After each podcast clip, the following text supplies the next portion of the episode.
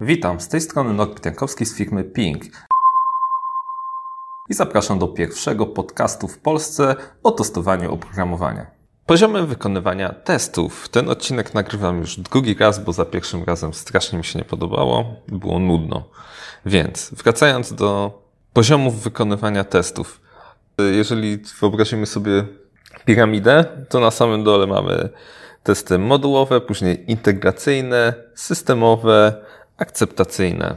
Testy modułowe wykonywane są przeważnie przez, e, przez programistów. Polegają one na sprawdzeniu małych modułów. Przeważnie te testy odbywają się bez interfejsów graficznych. Podczas wykonywania fragmentu instrukcji sprawdzane jest, czy, czy funkcja jest wykonywana zgodnie z założeniem. Jest to przykład testów białobok, białoboksowych, przeważnie wykonywanych przez deweloperów, gdzie jest podgląd pod kod i błąd jest naprawiany jakby natychmiast. Więc nie ma żadnego zgłaszania, żadnych prowadzenia logu do tego, tylko od razu deweloper naprawia to, co e, przeważnie on wydevelopował źle. Testy integracyjne pomiędzy poszczególnymi modułami. Przez moduł rozumiemy tutaj zupełnie autonomiczny produkt lub fragment kodu i sprawdzamy, jak on działa z innymi modułami. I jak zachowuje się poszczególne elementy w sytuacji awaryjnej, czy kojarzone, czy elementy realizują e, założony proces biznesowy, czy infrastruktura techniczna zapewnia e, odpowiednie warunki do pracy tych modułów i czy nie ma luk w logice biznesowej. Testy integracyjne na tym poziomie są bardzo ważne ze względu na to, że często różne moduły są dewelopowane przez różnych programistów i do tego y, zdarza się, że jakby oni nie mają wglądu całościowego, to znaczy, że skupili się tylko na własnym module i nie wzięli pod uwagę, jak zachowa się całość. Ważne, żeby współdziałanie modułów przetestować. I tutaj na przykład, jeżeli między modułami są jakieś pliki, jakieś e, XML lub jakieś inne pliki, które mają znaki, to często się zdarza, że e, jeden moduł nie jest w stanie przeczytać albo formatowania danego pliku, albo jakichś znaków specjalnych, które jeden moduł uwzględnia, a drugi nie. Poza tym może dojść do jakiegoś takiego drobnego błędu, jak e, przekroczenie czasu jednego modułu, czekając na odpowiedź drugiego. Kolejne są testy systemowe. Tu testujemy już całą aplikację, tudzież jego samodzielny fragment, ale który wchodzi w zakres projektu. E, najlepiej tutaj zastosować e, testy oparte o technikę czarnoskrzynkową.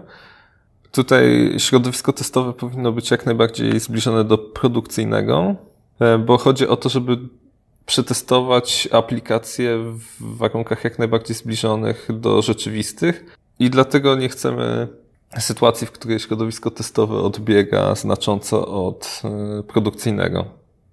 Przy tych testach też najlepiej, gdyby testy były wykonywane mm, przez niezależny zespół testerów, który nie ma jakby, nie może się komunikować z deweloperami w celu wyjaśnienia pewnych spraw. Chodzi o to, żeby ocenić jakby całość aplikacji, to znaczy pod względem funkcjonalnym i niefunkcjonalnym.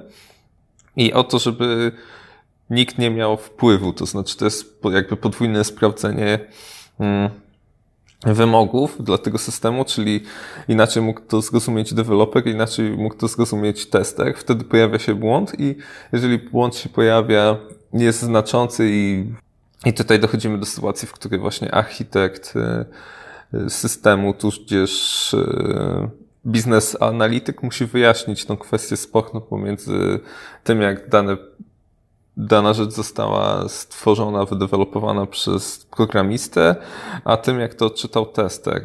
E, jeżeli tu mamy komunikację na, pomiędzy testerami a deweloperami, oni mogą e, omylnie wziąć pod uwagę argumenty którejś ze stron, natomiast w tym przypadku należałoby właśnie się do analityka zwrócić z prośbą o wyjaśnienie danej kwestii. W tej części też odbywają się testy end-to-end, czyli, od, czyli testujemy procesy, procesy biznesowe, a nie tylko e, w poszczególne funkcje. nie testujemy na przykład samej funkcji drukowania czegoś, jakiegoś dokumentu, tylko od początku, e, kiedy zaistniała potrzeba wyprodukowania takiego dokumentu, poprzez uzupełnianie tego dokumentu aż do jego wydrukowania, jakby całą ścieżkę. Po testach systemowych, czasami w, po testach systemowych są testy integracyjne z, z zewnątrz, czyli z systemami zewnętrznymi, nie wchodzącymi jakby w skład danej aplikacji. Ale czasami to nie jest oddzielane jako, nie jest to traktowane jako oddzielna faza, tylko wchodzi w skład testów systemowych. I na końcu są testy akceptacyjne, odbiorcze inaczej mówiąc. I one są wyko- wykonywane przez osobę zamawiającą daną aplikację. I tutaj mamy, spotkamy się z różnymi podejściami. Najczęściej e, taka aplikacja powinna być w pełni przetestowana przez zamawiającego, natomiast zdarza się, i to bardzo często, że testy akceptacyjne często są pisane lub nawet wykonywane przez testerów systemowych, co abs absolutnie nie powinno mieć miejsca, gdyż jest absurdalne z tego względu, że testy akceptacyjne są wykonywane po to przez klienta, bo to jest e, aplikacja robiona dla niego i ma być przetestowana przez osoby, które będą na co dzień pracowały z tym i ta aplikacja jest zrobiona dla nich, żeby rozwiązała ich problem lub ułatwiła im ich pracę. Natomiast testerzy systemowi jakby nie mają poglądu na całość procesu biznesowego, tudzież nie pracują z tym na co dzień. Oczywiście badają też ścieżki typowo biznesowej przepływów, jak ma tam użytkownik się poruszać po tej aplikacji, natomiast to nie jest osoba, która z tym będzie pracowała.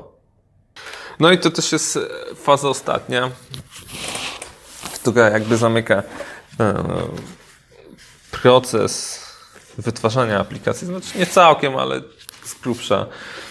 To tutaj mówimy, że tak, dana aplikacja spełnia wymogi, które postawiliśmy gdzieś na początku, podczas negocjacji i odbierzemy tą aplikację od Was. Tam później następuje już faza końcowa jakiejś tam instalacji, e, sprawdzenia, czy wszystko się dobrze zainstalowało, podtrzymania ewentualnie hypercare'a przez pewien czas i później już to przechodzi jakby do supportu, ale dobra, jak zgadałem się odnośnie całego procesu. To tyle pokrótce. Mam nadzieję, że Wam się podobało. Jeśli Wam się podobało, to zostawcie pozytywny komentarz na iTunesie.